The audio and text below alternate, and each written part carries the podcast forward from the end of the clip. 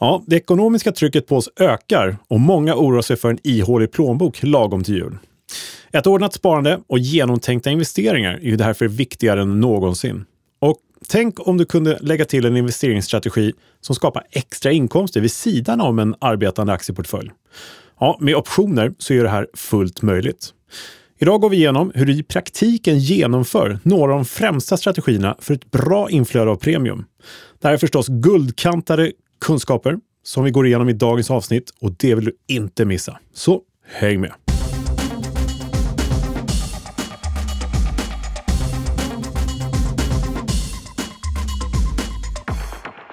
Ja, välkomna tillbaka då till Optionspodden. Podden som ger dig kunskaper som ingen privat eller professionell investerare på börsen bör vara utan. Här pratar vi om börsens hela verktygslåda och vi har kommit till avsnitt 63. Mitt emot mig står Thomas Bernholm från Nasdaq. Varmt välkommen Thomas. Tack så mycket. Kul att vara här igen. Ja, men välkommen tillbaka. Mm. Ständig bisittare stod det någonstans, men du står ju faktiskt. Precis. Efter order från dig. Ja, vi ska stå upp och vara aktiva. Exakt. Men du, mm. avsnitt 63 alltså, det, det bör bli många. Ja, ja. i relativa termer absolut är det ju. Det är ju ett mer än sist. ja. till, till exempel. Exakt. Men, eh, nej, men det är faktiskt kul. 63 avsnitt för oss är det Bra jobbat tycker jag. Eller hur? Om du får säga det själv. ja, ja jag tycker det. Nej, det är roligt, jättekul. Ja, det är det ju. Men du, eh, eh, vi har ju faktiskt ett syfte, för vi får ju väldigt mycket jättefin feedback och mycket frågor och sådär. Och det är väl därför vi har 63 avsnitt, för att det finns ju eh, ett behov av alternativa kunskaper Sant. till handel på börsen. Och det är många faktiskt avsnitt som bygger på just frågor, önskemål mm. som har kommit in på ett annat sätt. Ja, men så är det. Mm. Och inte minst idag faktiskt. Eh, det här med att hitta alternativa vägar till inkomster på, mm. eh, alltså med sina investeringar på börsen mm. är ju kanske som mest intressant när det är lite skakigt. Mm. Och nu är det ju väldigt skakigt på börsen, får man ju säga. Ja, det är uh, bra eller? att hitta de här alternativen och bra att mm. folk får upp ögonen för dem. Ja, men så är det ju. Och nu är det ju oro i leden sedan en tid tillbaka som vi har pratat om här flera gånger, som är mycket ute i media, att det börjar liksom bli lite hål i plånböckerna. Mm. Ihåliga plånböcker. Det börjar slå igenom nu, effekterna. Ja. Mm. Boräntor och sånt har ju slagit igenom för många och så vidare. Precis. Eh, el... Elen inte minst kanske. Ja, den också. Och mm. sen så drivmedel för de som måste köra bil till jobb och sådär. Och... Mat. Mat inte minst ja. Så mm. ekologisk gurka kostar över 50 spänn. Ja. det är dyrt. Är ditt benchmark? Ja, det är ja. faktiskt. Ekologisk gurka är min matbenchmark mm. och den stiger i värde. Uh, man kan köpa många sådana gurkor och stoppa undan kanske. ja, precis. Kanske Får kolla datumet först. Ja, gå till förfall snabbt där. Ja, Tetat är enormt i en gurka. Mm. Men du... Nej, men då är det ju bra när vi pratar ihåliga plånböcker mm. att kanske försöka gå över till mer uthålliga plånböcker. Precis, mycket bra. Mm. Mycket, mycket bra. Exakt så är det ju faktiskt. Eh, allmän privatekonomi går på knäna, blir värre. Vi behöver mer uthållighet i våra plånböcker. Och där kan vi ju faktiskt hjälpa till lite med goda idéer Precis. och tips här. Det finns annat man kan göra än att bara dra ner på gurkkonsumtionen. ja, mm. man kan se till att man har möjlighet att öka gurkkonsumtionen genom att skapa så kallade inkomststrategier på börsen. Just. Så är det ju. Spännande. Ja, men eh, ja, vi, vi, kan ju bara lite som en cliffhanger. Vad är en credit spread? Där har många frågor kommit in nämligen. Okay. Eh, det finns ju debit spread, credit spread, de engelska uttalen som vi inte har någon egentlig motsvarighet för i Sverige Nej, skulle jag säga. Inget givet namn Nej. kanske. Nej. Nej. Men, man eh, köper en spread eller säljer en mm. spread, kanske lite mer sånt man säger. Men här kan vi bara översätta lite snabbt. En credit spread, man får en kredit. Alltså helt enkelt när vi får in en premium mm. i en optionsstrategi. Man säljer en vaggastrut eller en säljer en kol eller puttspread, då får man ju oftast in pengar. Pengar in på kontot ja. Pengar in på kontot. Mm. Och en debit spread tvärtom då. Just det. Man får betala. Sen så pratar vi också om eh, det här med sparande, det är ju viktigt nu när det kommer till ekonomiska termer. Eh, investeringar i aktier eller på börsen, det är ju fortsatt viktigt. Det är ju, unga aktiesparare pratar om att eh, liksom investera kontinuerligt över tid, mm. eh, månadsvis. Sådär.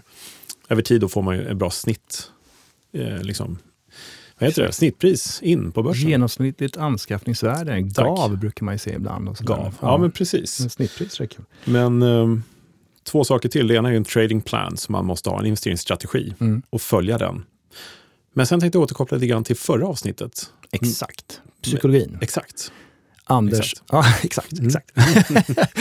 Sa samma sak där. Nej, ja. men Anders Stenkrona, mycket intressant. Så har man inte lyssnat på det, så gör det, nummer 62 ja. alltså. Eh, och eh, investeringar, börsen, optioner i all sin ära, men ingenting är ju egentligen viktigare än att förstå psykologin bakom det hela mm. och grunda sin eh, marknadstro kanske kring hur allting hänger ihop. Hur vi som kollektiv tänker och därmed påverkar börsen.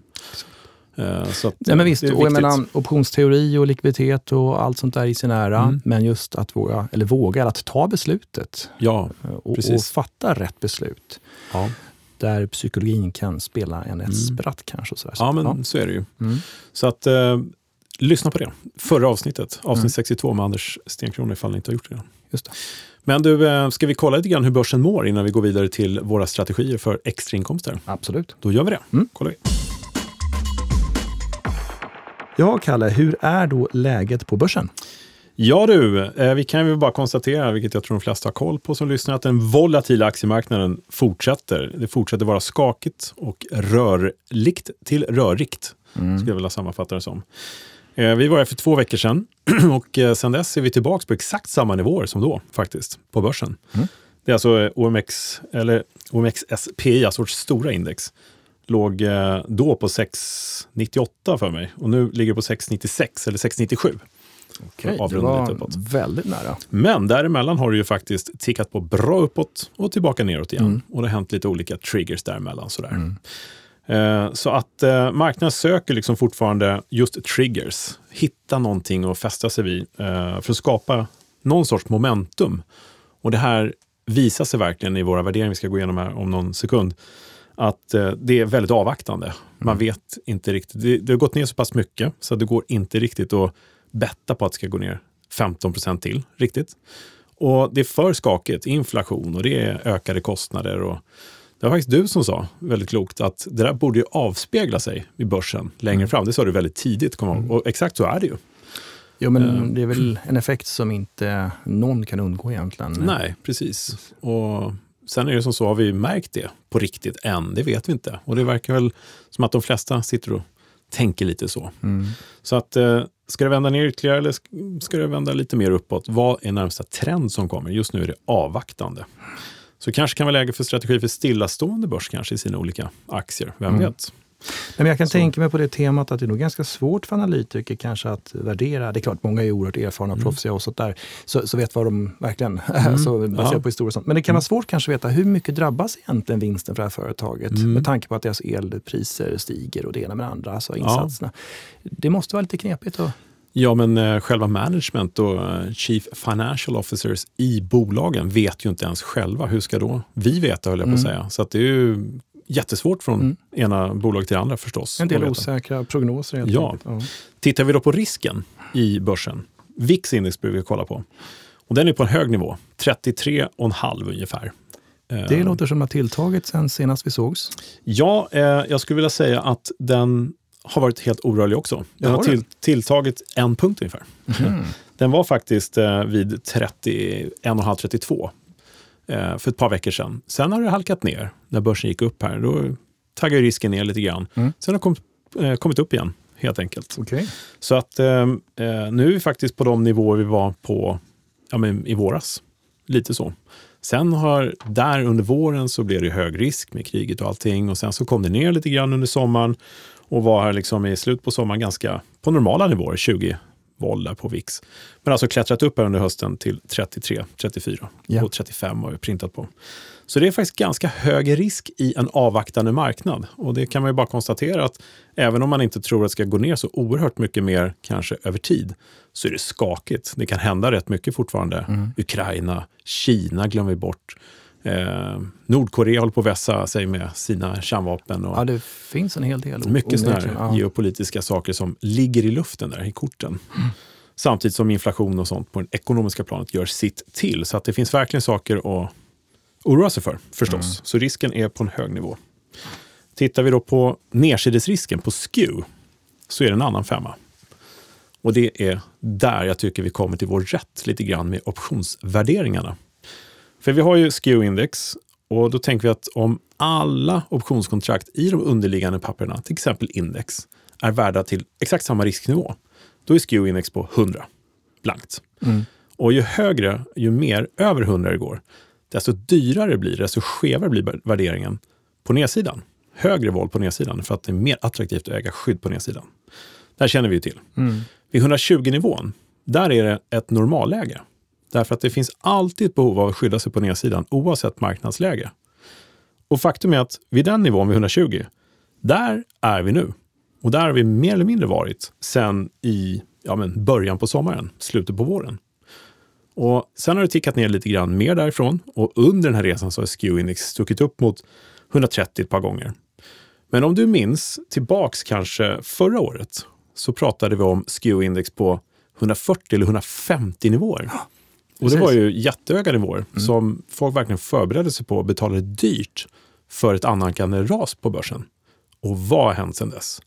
Det har ju rasat. Det har gått ner över 30 procent på börsen. Och då tror man inte riktigt att det ska gå ner 30 procent till.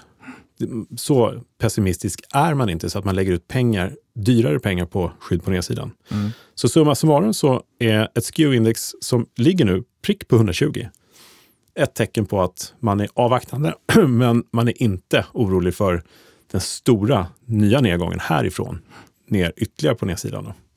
Så det kan ju vara bra att hålla koll på det indexet när investerarkollektivet där borta börjar betala kanske lite grann för om det händer någon trigger, någonting som kommer eller börjar skramlas i Ryssland på riktigt eller någonting sånt där. Eller mm.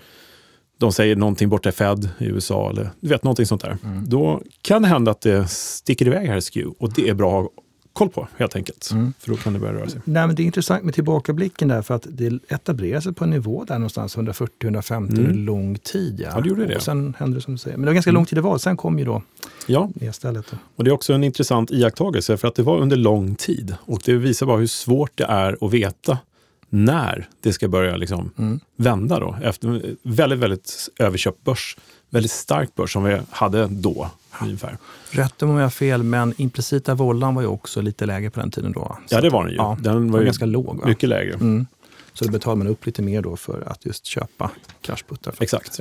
Och det här kan vara en nyttig övning att göra. Man kan eh, gå in på VIX-index via Google eller sitt eh, Infront eller vad man har och titta liksom, historiskt på hur det har rört sig. Mm. Och där kommer man hitta då att VIX-index var väldigt lågt under många år faktiskt, när börsen var med minusränta, som pengar och stimulanser flödade in på börsen och sånt Just. där och se, jämför det med dagsläget då, som är lite skakigare. Och bara för att repetera nivån här, vad sa att de ligger på nu? Ja, eh, VIX-index ligger ju lite högre nu på 33,5 ungefär. Mm. Sista print jag såg. Mm. Eh, och SKU har du på? 120, ja. vilket är då en normalnivå för SKU. Precis. Och senast vi sågs, vad hade vi? Ja, på SKU-index hade vi eh, lite lägre, bara 117, ja. ett par veckor sedan. Så det har inte rört sig så mycket. Mm. Det har rört sig kring 120-strecket sedan i våras egentligen. Med ett par eh, avstickare, både uppåt och neråt. Eh, och bästa sättet är att gå in och kolla på den grafen också. Bara mm. googla eller via Infront som sagt. Eh, och sen tittar vi på volatiliteten på VIX-index också. Eh, kan låta lite nördigt, men det avslöjar en hel del faktiskt om eh, vad som händer i skallen på dem som faktiskt ska styra börsen, om vi får uttrycka det så. Och på eh, VVIX, som det heter, det indexet, om man vill gå in och titta, så hade vi väldigt, väldigt låg nivå. Väldigt billig premium helt enkelt. Historiskt billig premium. Så man kunde köpa optioner för att spekulera i hur VIX-index ska gå väldigt billigt. Den har nu stuckit upp lite grann, därför nu är man lite mer ja, men orolig, eller man tror helt enkelt på att det ska bli mer skakig marknad. VIX-index kommer röra på sig kanske lite upp och ner, vilket det också har gjort. Eh, så att det har varit en bra indikator där. Jämför då vår ratio här, som vi brukar lägga ut på optionsbloggen.se också, tillsammans med alla de här eh, siffrorna. Där vi tar ration VVIX-index alltså volatilitetsindex på VIX-index mot VIX-index i sig självt, så får vi en siffra som pendlar någonstans ska säga, mellan 3 och 7. Nu är ju börsen bekräftat nedgången, kan man mm. säga så? Börsen är bekräftat nedgången. Ja, nedgången bekräftad i alla fall. Ja, eh, och det har gått ner ganska mycket. Ja. Och när det här indexet närmar sig 6-7 där någonstans, då brukar det nästan vara en korrigering. Eh, då är börsen översåld helt enkelt eller förlåt, överköpt med det. Och en försäljning brukar liksom komma i korten där. Mm. Men nu ligger den här på låga 3,2 eh, och den visar bara att det är avvaktande. Det liksom hoppar inte till här någonting. Hade man sett att det här hoppar upp mot ja, men kanske 3-4 och kanske 4,5-5, då är oron för en ytterligare nedgång mycket högre. Ja. För då betalar man upp för premie i VIX helt enkelt. Då. Så här kan man ju fundera lite grann på. Eh, sammantaget, det är oroligt i leden. Det är skakigt där ute. Marknaden väntar på en trigger. Men det är liksom avvaktande är ordet för dagen. Så håll utkik på de här indexerna för de berättar lite mer om marknadsrörelsen eventuellt än eller före andra indikatorer. Ska jag säga. Mm. Och den här VIX-ration, det var ganska oförändrad då sen eh, förra gången, eller hur? Den har varit kring 3,0 och 3,5 sista ja. veckorna. Så det, ja. det, har inte hänt mycket där alls. Nej. Så fortsatt avvaktande i de termerna är det. Eh, om vi bara ska titta på våra egna index. Eh, vi har, eh, ja, vårt eget index brukar följa eh, VIX-index ganska väl. Vi ligger nu på prick 30 procents vol på index, ganska högt. Eh, vi har en historisk vol på 25, exakt 30 dagar från nu, arbetsdagar bakåt. Ja. Eller 30 hela riktiga dagar, eller arbetsdagar, hur man säger när det har printats på börsen. eh, och eh, ja, det är inte mycket att säga om det. Det är alltså en eh, liten ökad risksyn på vår egen börs jämfört med de sista 30 dagarna. Inte mycket att orda om. Avvaktande här också, är det minst sagt. Eh, övriga aktier, inte så mycket som har hänt också. Det är generellt över hela linjen högre volatilitet. Eh, här gäller det att ha lite koll på de aktier man är intresserad av dock, för här kan det vara som till exempel i Telia har kommit ner väldigt mycket. Men eh, här har du en ganska låg volatilitet om man säger så. Den är på, eller förlåt, låg volatilitet, 31 procents implicit volatilitet Telia. Ja. Eh, brukar vara låg. Den brukar vara det lägst på index ungefär. Ja. Men 31 procent på Telia är ska jag säga, väldigt mycket högre än vad det brukar vara. Mm. Här har man då till exempel tittat på sälja, en vagga mot innehav till exempel i Telia. Man mm. tror inte Telia ska komma ner så mycket mer. Vissa har köprekommendation på Telia mm. uh, och man kan liksom skapa lite möjligheter kanske i den här aktien. I det vi ska prata om strax. Och där har vi en edge också på ungefär hur mycket? Ja, nästan 10 punkter. Då. Ja. Uh, för Telia har ju då halkat ner på 32 spänn någonstans, 31,80, ja. strax under 32. Vilket är ganska lågt för Telia historiskt, eh, helt klart. Bra värdering har jag läst att Telia här till just nu, beror på vad andra uttalar sig mer om i och för sig. Mm.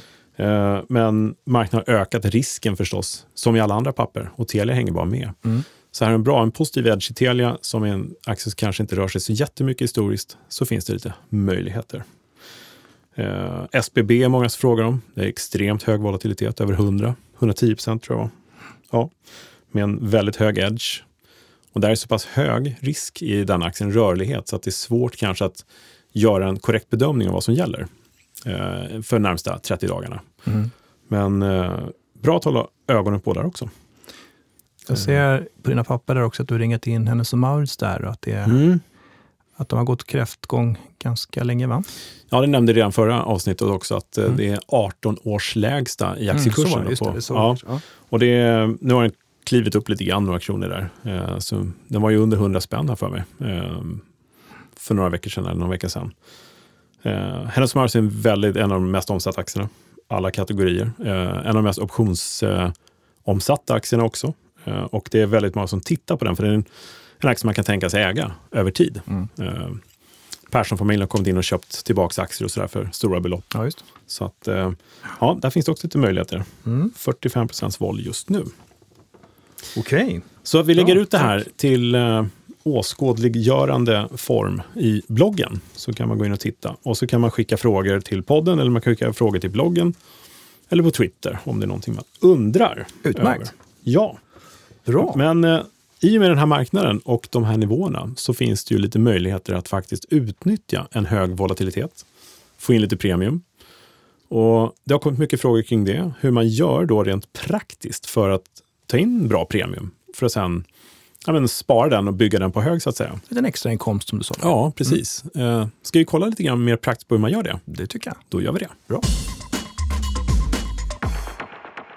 Jaha, Kalle, då är det dags för huvudtemat för dagen, va? Ja. Skapa extrainkomster med optioner. Ja, det är riktigt. Och mm. när man hör det på det sättet så kan man ju faktiskt tänka att det är det vi vill åstadkomma hela tiden förstås. Det är sant. Med hjälp av optioner kan vi få extrainkomster eller spara våra pengar på ett bättre sätt helt enkelt. Jag ska märka ord så pratar Mm. man om inkomststrategier, income strategies. Just det. Och de är lite speciella, så vi får väl liksom eh, referera till dem tror jag. Va? Ja, det tror jag. Det blir tydligare då. Ja, För det är som du säger, man vill ju alltid mer optioner, Mm. vill man förbättra avkastningen och skydda sig och allting sådär. Men så är det ju. Ja. Det finns flera syften helt klart. Eh, Men det finns ju någonting på engelska som många frågar om, som är credit spread, som vi nämnde i början. här. Mm.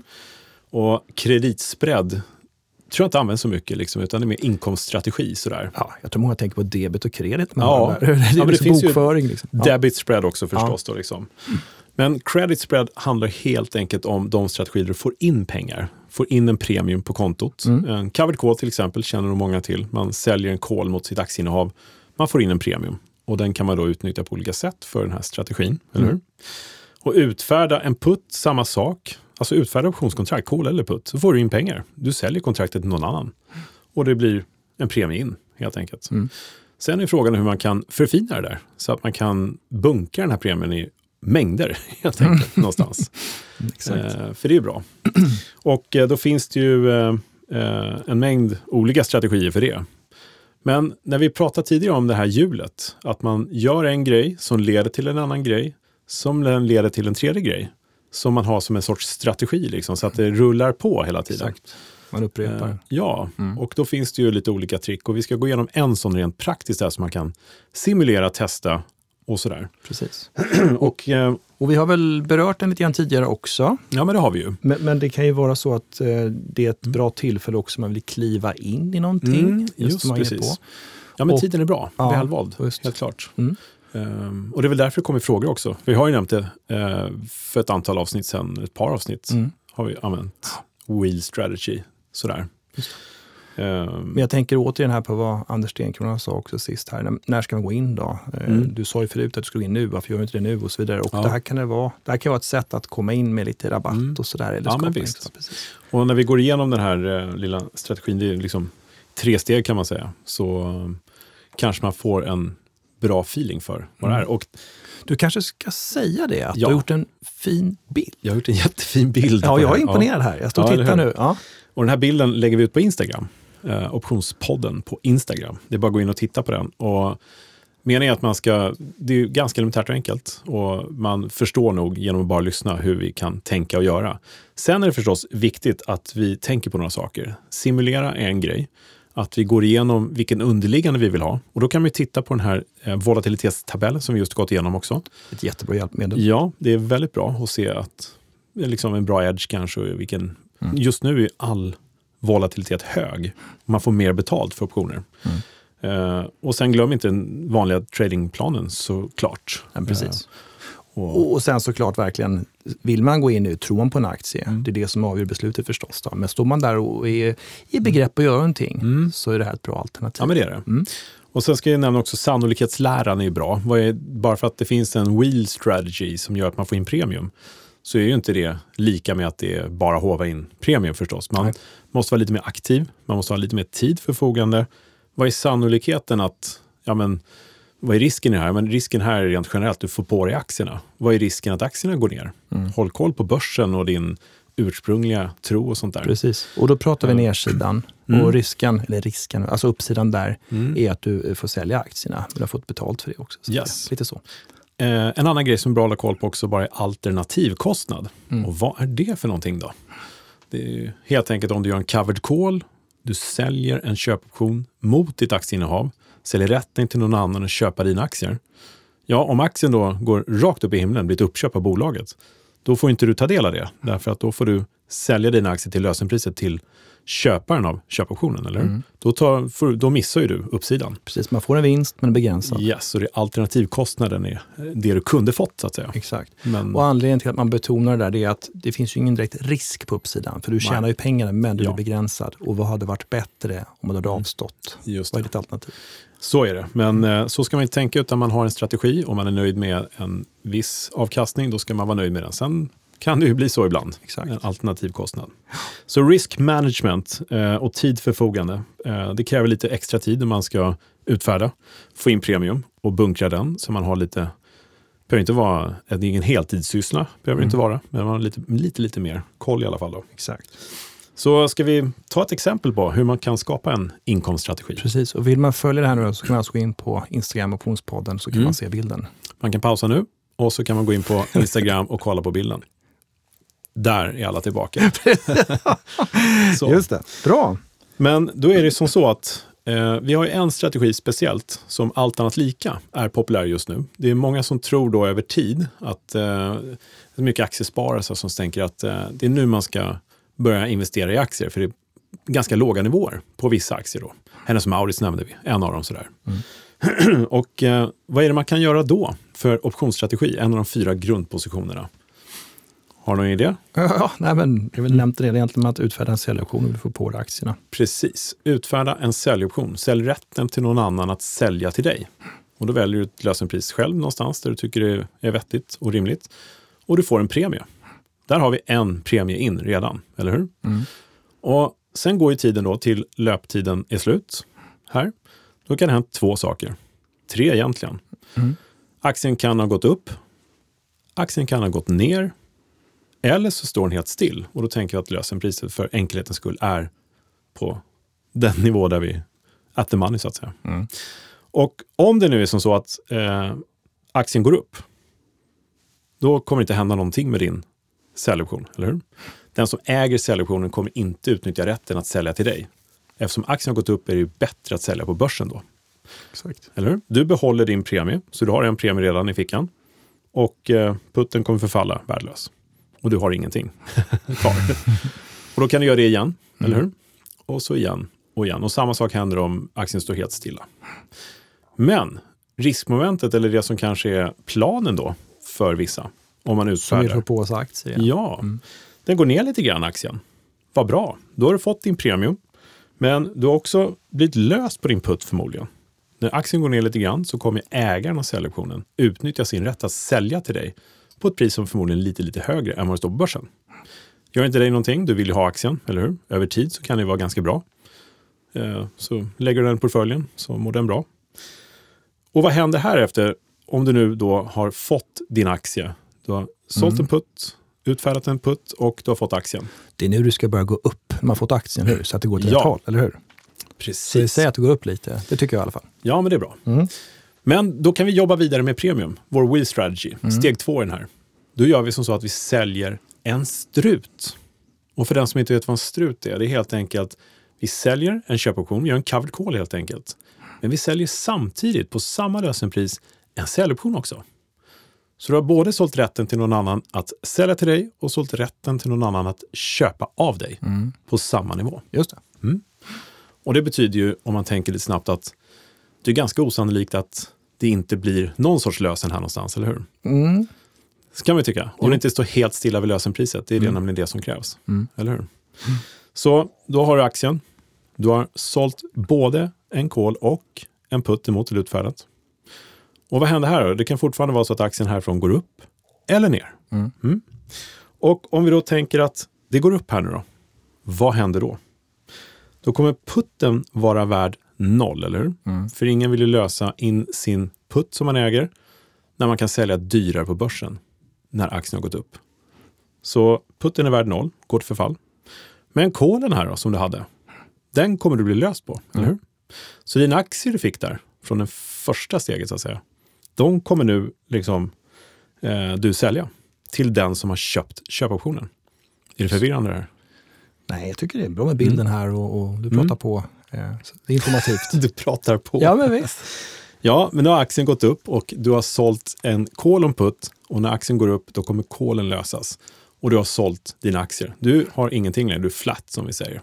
Men du har fått tre stycken premier nu. Precis. En för den första sålda putten och en för den sålda callen och en till för den nya sålda putten. En liten extrainkomst. Ja, och du är flat. Och då kan man börja från början, sälja en ny putt och börja från gå igen, så att säga. Och bygg vidare. Scenario två här är förstås att du har fått dina aktier i första ledet. Du har sålt den här struten. Du har sålt en kol och sålt en putt. Men aktien går ner istället. Mm, vad händer då? Då Då kommer ju din putt bli löst, eller hur? Mm. Den utfärdar det. Ja, och vad händer då? Får du flera aktier. Ja, då har du typ två aktier om vi säger så. Då. Två gånger aktier. Fortfarande tre premier in, men du har dubbelt så många aktier på dig. Och vi kan säga också att kolen försvinner ju, eller hur? Ja. Den, det händer ingenting med den. Den förfaller värdelös Yes. borta. Så då är det ett läge där du har från första ledet en omgång aktier och sen från den här struten så har du dubbelt så många aktier. Men också tre stycken premier in så du kan räkna in det där. Wheelet fungerar så att säga. Och sen kommer vi då till slutklämmen i den här, just den här idén. När du har dubbelt så många aktier som i början. Och vad gör du då? Ja, men du gör en covered call på alltihop. Du säljer alltså två calls kan vi säga. En till den första omgången aktier du fick och en call mot den andra omgången. Så det blir en stor covered call av allting. Just det. Och här är du lite kanske benägen att sälja aktierna tror du? Eller vad? Ja, här kan det ju vara som så. Antingen har man ju idén att man är nöjd med att behålla aktierna i, alltså i generella termer. Här har man förstås valt en aktie som man är komfortabel med. En, ja, ett storbolag, kanske Volvo, H&M, Telia, någonting sånt där. Där man känner att volatiliteten är så pass hög på en bra nivå så att jag får in en bra premium. Så när man har fått de här, ska vi kalla för dubbelt så många aktier eh, från början, så kan man vara komfortabel med att ja, men de kan ligga i min portfölj och må bra. Precis. Exakt. Men för att bli aktiv här då, så säljer vi calls mot de här aktierna vi har fått. Så rätten till någon annan att köpa alla våra aktier till ett visst pris inom en viss tid, som passar oss allra bäst. Och när vi har gjort det då, då, ja då är det en covered call. Vad händer helt enkelt om eh, aktien går upp härifrån då? Ja, Ja, du får sälja dina aktier. ja, då kommer köparen av de här köpoptionerna till alla dina aktier lösa in sin rätt att köpa av dig, lite billigare än på börsen. Men då har du fått fem premier. Du får Eller se en höginkomsttagare här. Ja, eller hur? Det är ganska mycket premium att lägga på hög här. Och blir det flatt här igen då, någon köper alla dina aktier, då är det ju liksom ja, plus minus noll på all, alla aktieinnehav så att säga. Då kan du gå tillbaka till början igen. Börja med att sälja en putt igen. Och sen så sälja en strut. Och sen så säljer en covered call av allting. Just det. Men sist men inte minst, om aktien går ner här då i slutänden med dubbla mängden aktier här. Ja, då kommer ju kolen vara värd noll förstås. Det är ingen som kommer lösa in rätten att köpa högre upp än vad det finns på börsen i nivå. Och du blir liksom eh, lång aktie gånger två här igen. Eller hur? Mm. Och ja, vad ska du göra då? Du har fem premium att räkna in. Men här har du då möjlighet att eh, göra ett beslut. Antingen så gör du en covered call igen eller så behåller du aktien. Vilket kanske är grundtanken till att du liksom eh, ja, men som jag sa från början, att du behåller med aktierna och känner att det är okej. Exakt. Eller gör, fortsätter göra en covered call. Ja. Helt enkelt, du är aktiv och får in ännu mer premium. Och sen kan man då kanske snegla lite på, på skewn kanske också. Det kanske är så att du Precis. säljer dina Mm. aktier helt och utfärdar puttar från början. Exakt, så kan det vara. Ja, så Mm. att du får bra betalt för dem. Ja, Och det kan ju såklart vara lite andra alternativ. Du sa att man här hade två aktier så att säga. Du Mm. kanske släpper tusen gör en call på dem. Och så så det, det är verkligen, det här är ett bra visuellt exempel, Mm. men det finns såklart möjlighet att laborera helt Yes. efter egna önskemål. Så här kan, exakt, det är som en bra mall Mm. eh, kan man säga.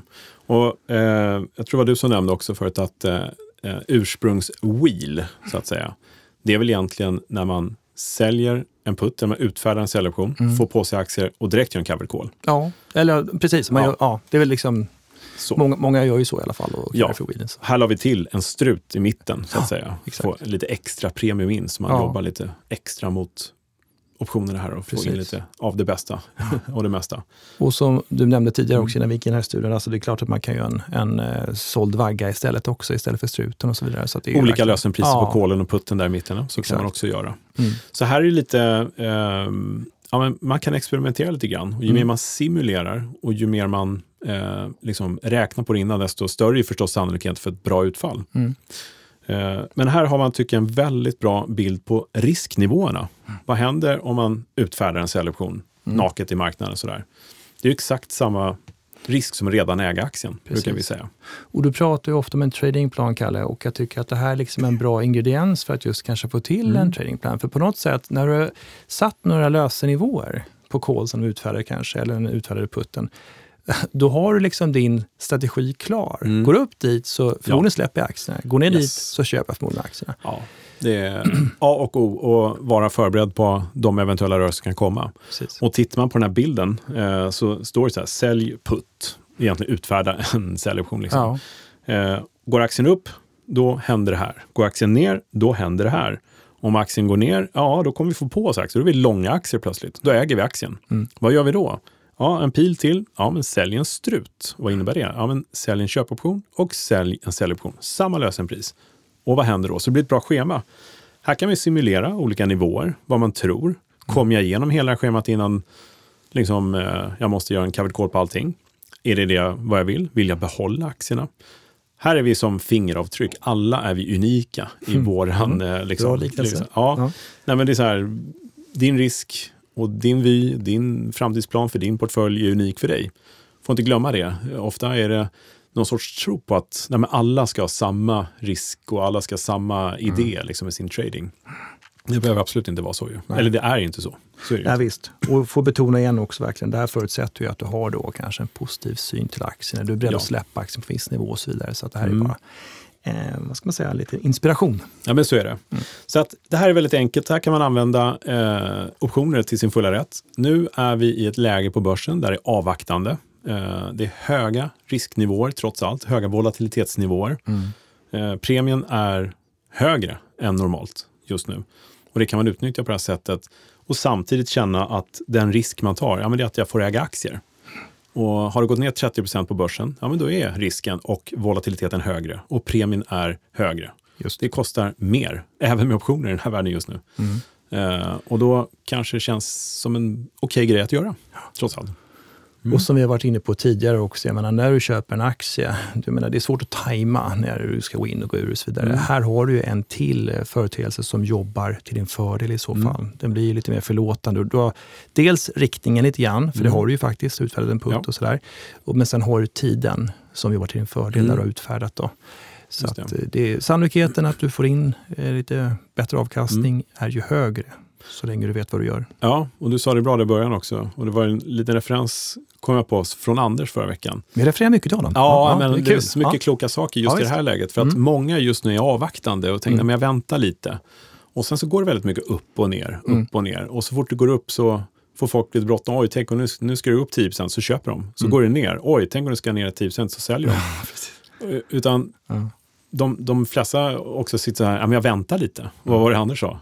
På vadå? Vänta på vadå? Ja. det var roligt. Ja. Det är väldigt bra. Ja. Och det här handlar om lite action. Och det här, som du sa, det kan vara lite mer förlåtande. Ja, och jag tror man får liksom en liten spark mm. i baken. Att man, nu, nu är jag med. Ja. Jag gör det här. Ja, men faktiskt. Och, och, och likaså liksom, det här med att göra en covered call, utfärda en call mot innehavet. Sådär, så att mm. Jag är ganska nöjd om det går dit upp. Och eh, blir jag löst, okej, okay, fine. Men då har jag i alla fall gjort en, ja. ganska många procent. Liksom. Precis. Ja.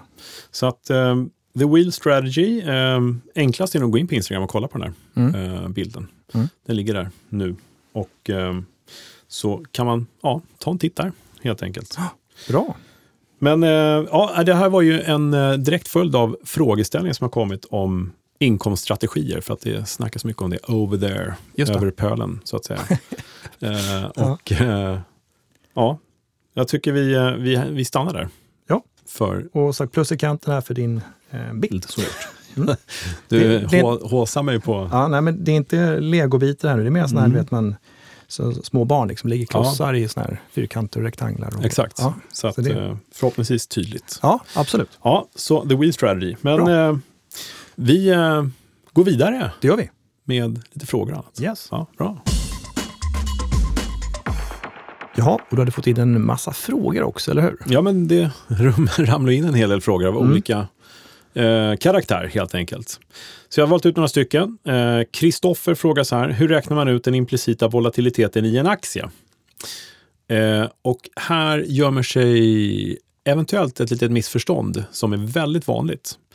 Den implicita volatiliteten är ju i optionskontraktet. Det är optionskontraktets premie som eh, skapar den implicita volatiliteten, mm. nivån.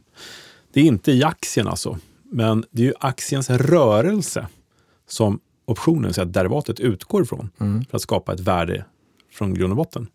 Sen när man värderar om det här optionskontraktet, då kommer ju även då eh, volatilitetsnivån att justeras utefter vad priset är i optionen. Då får man den implicita volatiliteten. Mm. Eh, så möjligen eh, så är det det Kristoffer menar. Så den implicita volatiliteten räknas ju ut i optionskontraktet utefter hur optionskontraktet är värderat för stunden implicit helt enkelt. Man stoppar in priset i modellerna och får ut en implicit volatilitet Ja, istället för att precis. stoppa in en, en volatilitet och få ut ett pris. Ja, Mm. så är det.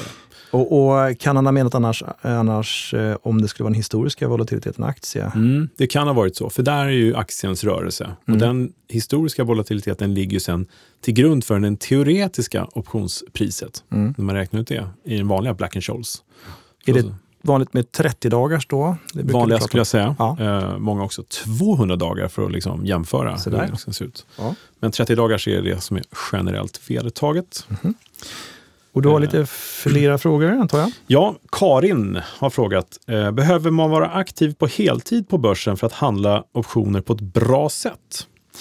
Eh, Jag känner den frågan. ja. Har du fått tidigare några gånger? Den kommer kontinuerligt också. Ja. Sådär. Hur mycket behöver jag lägga ner i tid och måste jag vara proffs och sådär. Många kanske tvekar ibland därför att de tycker att Nej, men jag har inte tid liksom att, att handla optioner. Och då hade du en tumregel tre och en halv timme per vecka, eller? Ja, Nej. Nej då. tre och en halv timme per vecka. Per dag, minst. Ja, precis. Nej, det, här, det finns ingen... Eh, lite mer aktivitet, jag skulle säga någon gång i veckan kan vara bra att kolla på sin position om man har en covered call till exempel. Och hålla koll lite grann på vad aktienivån är. För då vet man om man blir löst eller inte. Men å andra sidan så vet man att antingen blir jag löst eller inte, då behöver man inte kolla så ofta. Och handlar man bara ett enstaka optionskontrakt då och då, då behöver man inte vara så mycket mer aktiv alls egentligen. Nej, precis. Jag skulle också säga det att det beror helt på vilken strategi du har. Är det så att du utfärdar en massa billiga säljoptioner och har lite, alltså, som har ett lågt delta i Ja. sig och sådär, där det kan smälla till. Då ska man nog kolla ganska ofta. Ja, Men har du precis. Mm. utfärdat något kontrakt och du vill få på dig aktierna, ja, vadå? Fick du på dig aktierna? Det var det du ville. Det spelar ingen Nej, roll, du behöver inte kolla på det. Att, Det känns dock som att de flesta eh, som är involverade och intresserade för optionshandeln, de är hyfsat aktiva redan och kollar börsen om dagarna och sådär. Eh, och det är ju förstås så, vill du bygga en derivatportfölj, en riskbok fylld med optionskontrakt till höger och vänster och på index och alla olika underliggande, ja men då är det klart att då måste du vara mer aktiv visst. förstås. Sådär. Och, och lite så, dagens tema, extrainkomster. Alltså ska Mm. du få en extrainkomst måste du jobba lite mer. Ja, men, fakt, ja, men det är väldigt lägg, logiskt. Ja, lägg så. lite mer tid, absolut. Ja, men sen just den här wheel, där låter ju tiden jobba för dig Mm. en hel del. Så att eh, övervakning men inte arbeta så mycket. Lite så. Så att det är en bra och klok fråga, men man, behöver, man väljer lite själv hur aktiv man vill vara. Lite mer aktiv, med betoning på lite, Mm. eh, måste man ju vara. Och beroende på strategi också. Ja, precis så.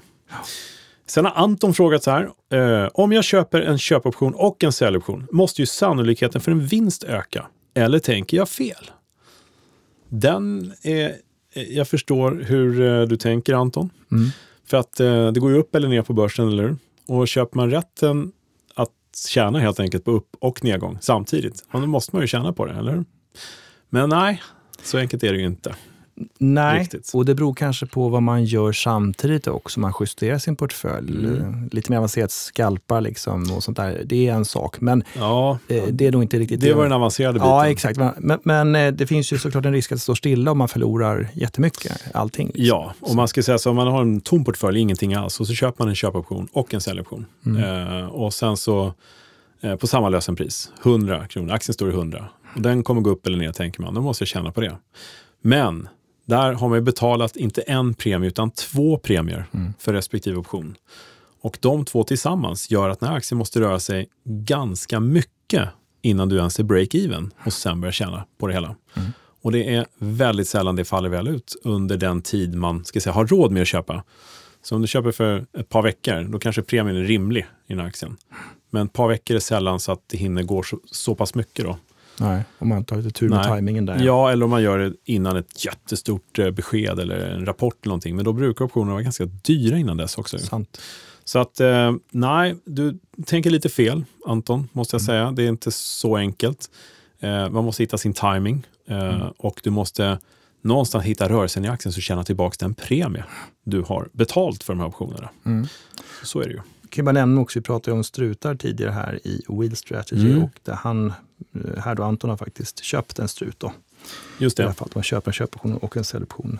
Eh, Wheels- eller, nu ska vi se, det kanske inte var samma strike förresten? Det Alltså- kanske bara var generellt. Just ja, det. jag tror det var generellt. ja, ja, men jag läste först att det var samma strike, Ja. men okej, lösepris. Just det. det gör egentligen detsamma, skulle jag säga. Det är Ja. lika osannolikt. Eller det blir fortfarande svårt att få till. Det. Och i vår wheel sålde vi ju faktiskt struten. Mm, Vilket gör att det är en helt andra förutsättningar. Exakt. när vi dessutom äger aktien emot. Också. Mm. Nej, men jag tror att eh, det är en relevant fråga, men jag tycker Mm. nog att man kanske ska prova att handla på, alltså fiktivt. Skriva ner på ett papper och testa lite. Och Simulera den, ja. För det kan ju vara så att man beslutar sig för att okej, nu gick det Mm. faktiskt upp och nu sålde jag min köpoption. Mm. Sen faller det faktiskt rätt mycket och då sålde Ja. jag min säljoption. Så att det är också lite grann beroende på hur man agerar. Ja, och jag tror jag hade några exempel i Astra, när, för länge, länge sedan, det stod i 500 kronor kan vi säga. Man köpte en strut och det kostade väl 44 spänn tror jag i Mm. premium. Och det säger sig självt att då måste ju nästan Astra gå 10% uppåt eller neråt under Mm. en månads tid eller vad det var, två, sex veckor någonting. Det kanske inte riktigt är rimligt, men det var vad som krävdes då Mm. och det hände inte. Så, och då var det ingenting som hände under tiden där. Men ja, simulera den. Bra fråga ändå, tycker Mm. jag. Bra Anton. Verkligen. Ja du, vi har ett ordspråk här idag också som Stefano har skickat in. Jaha, Ja, och eh, det var otroligt passande idag tycker jag. Lite sådär. Vi får väl se vad du tycker. Men det låter så här. A ship is always safe at the shore. But that is not what it's built for. Hmm. du ut i stormen. Vem sa det här tror du? Eh, nej, pass. Albert Einstein. Jaha. Då är det ju sant. För han var skitsmart. Ja, men det är lite så här att utan risk, ingen vinst. Det är lite så, avdelningen. Du måste våga ta risk för att få vinst förstås. Du ska använda optioner för att det ska ge dig fördelar. Lite lex wheel strategy. Eh, för att du sa det någon gång bara, att det, lite action är någonting som är bra, som att det står och väntar. Mm. Vad väntar du på? lite sådär. Ja, jag tyckte den är fin, han är, han är klok Einstein. Eh, det här är ju inte då så vi ska säga att alla ska ta så mycket hög risk, utan bara våga agera, även Mm. om det kanske är tufft. Men med hjälp av våra optionskontrakt så kan vi agera på ett klokt och bra och riskkontrollerat sätt. Ett trevligt ordspråk alldeles oavsett skulle jag säga. Ja, Mm. det är det ju. Så med det så ska vi börja runda av här lite grann. Mm. Har du någonting att sälja till alla lyssnare som de ska liksom typ gå in och lyssna på eller titta, lyssna på? Optionspodden? Inget optionsrelaterat. Nej, Nej. ingenting alls. Nej. Nej. Okej, något annat? Att sälja. Någon bil att sälja? ja, exakt. Någonting? Nej då, utan, men det är väl bra att repetera de, Mm. de källorna till kunskap som finns och Ja. som är eh, alltså, mestadels kostnadsfria också. Så. Så är det. Eh, vi har ju då optionskurs.nu, där vi vår gratis kursportal Mm. som, eh, som ja, jag har gjort. Där hittar ni mig. Min röst och mina videoklipp och mina grejer, om ni vill inte ha tröttnat på. Eh, nej, men den ingår ju då i eh, Nasdaq Derivatives Academy, ett stort fint initiativ. Och går man in på nasdaq.com snedstreck, jag kan inte prata, nasdaq.com snedstreck derivatives academy. Just det. Då kommer man in till huvudsidan där och då har man även för professionella aktörer eh, kurser och för riskpersonal och sådär. Och där har vi utvecklat kurserna lite grann och ännu mer att erbjuda Mm. Sen en tid tillbaka. Precis. Så det, är, det kommer bara mer och mer erbjudanden här Ja. och det är bra. Då, eh, och de är dock betalkurser, eh, de är för professionella. Men där finns väldigt Precis. mycket att fördjupa sig. Det finns Ja. gigantiska Allt man behöver, moduler här. Så att, Skulle jag ja, lätt kunna säga. verkligen. Eh, ja, optionsspånen på Instagram, har jag sagt det någon gång under det här? Ja, det sa vi här Har vi eh, det? tidigare, i, när vi visade bilden. Ja, du har också optionsspaning på Instagram om du vill. Jag vill ha följare där. Ja, visst. Ja, eh, ja, men, ja optionspodden.se, optionsbloggen.se, optionsplay.se. Där satt den. Ja, där satt den. Jag brukar Mm. glömma den. Twitter att se Björkegren, smilestudios.se. Nej, det är inte det va? Det är castingatsmile.se, tror jag det är. Där vi står nu. Ja, Världens bästa poddstudio, utan tvekan. Ja, det är det. då vart det alla nästan. Har du Ja, det? Många, faktiskt många, inklusive Sveriges Radio. Kul. Jag gå in där och kolla. Ja.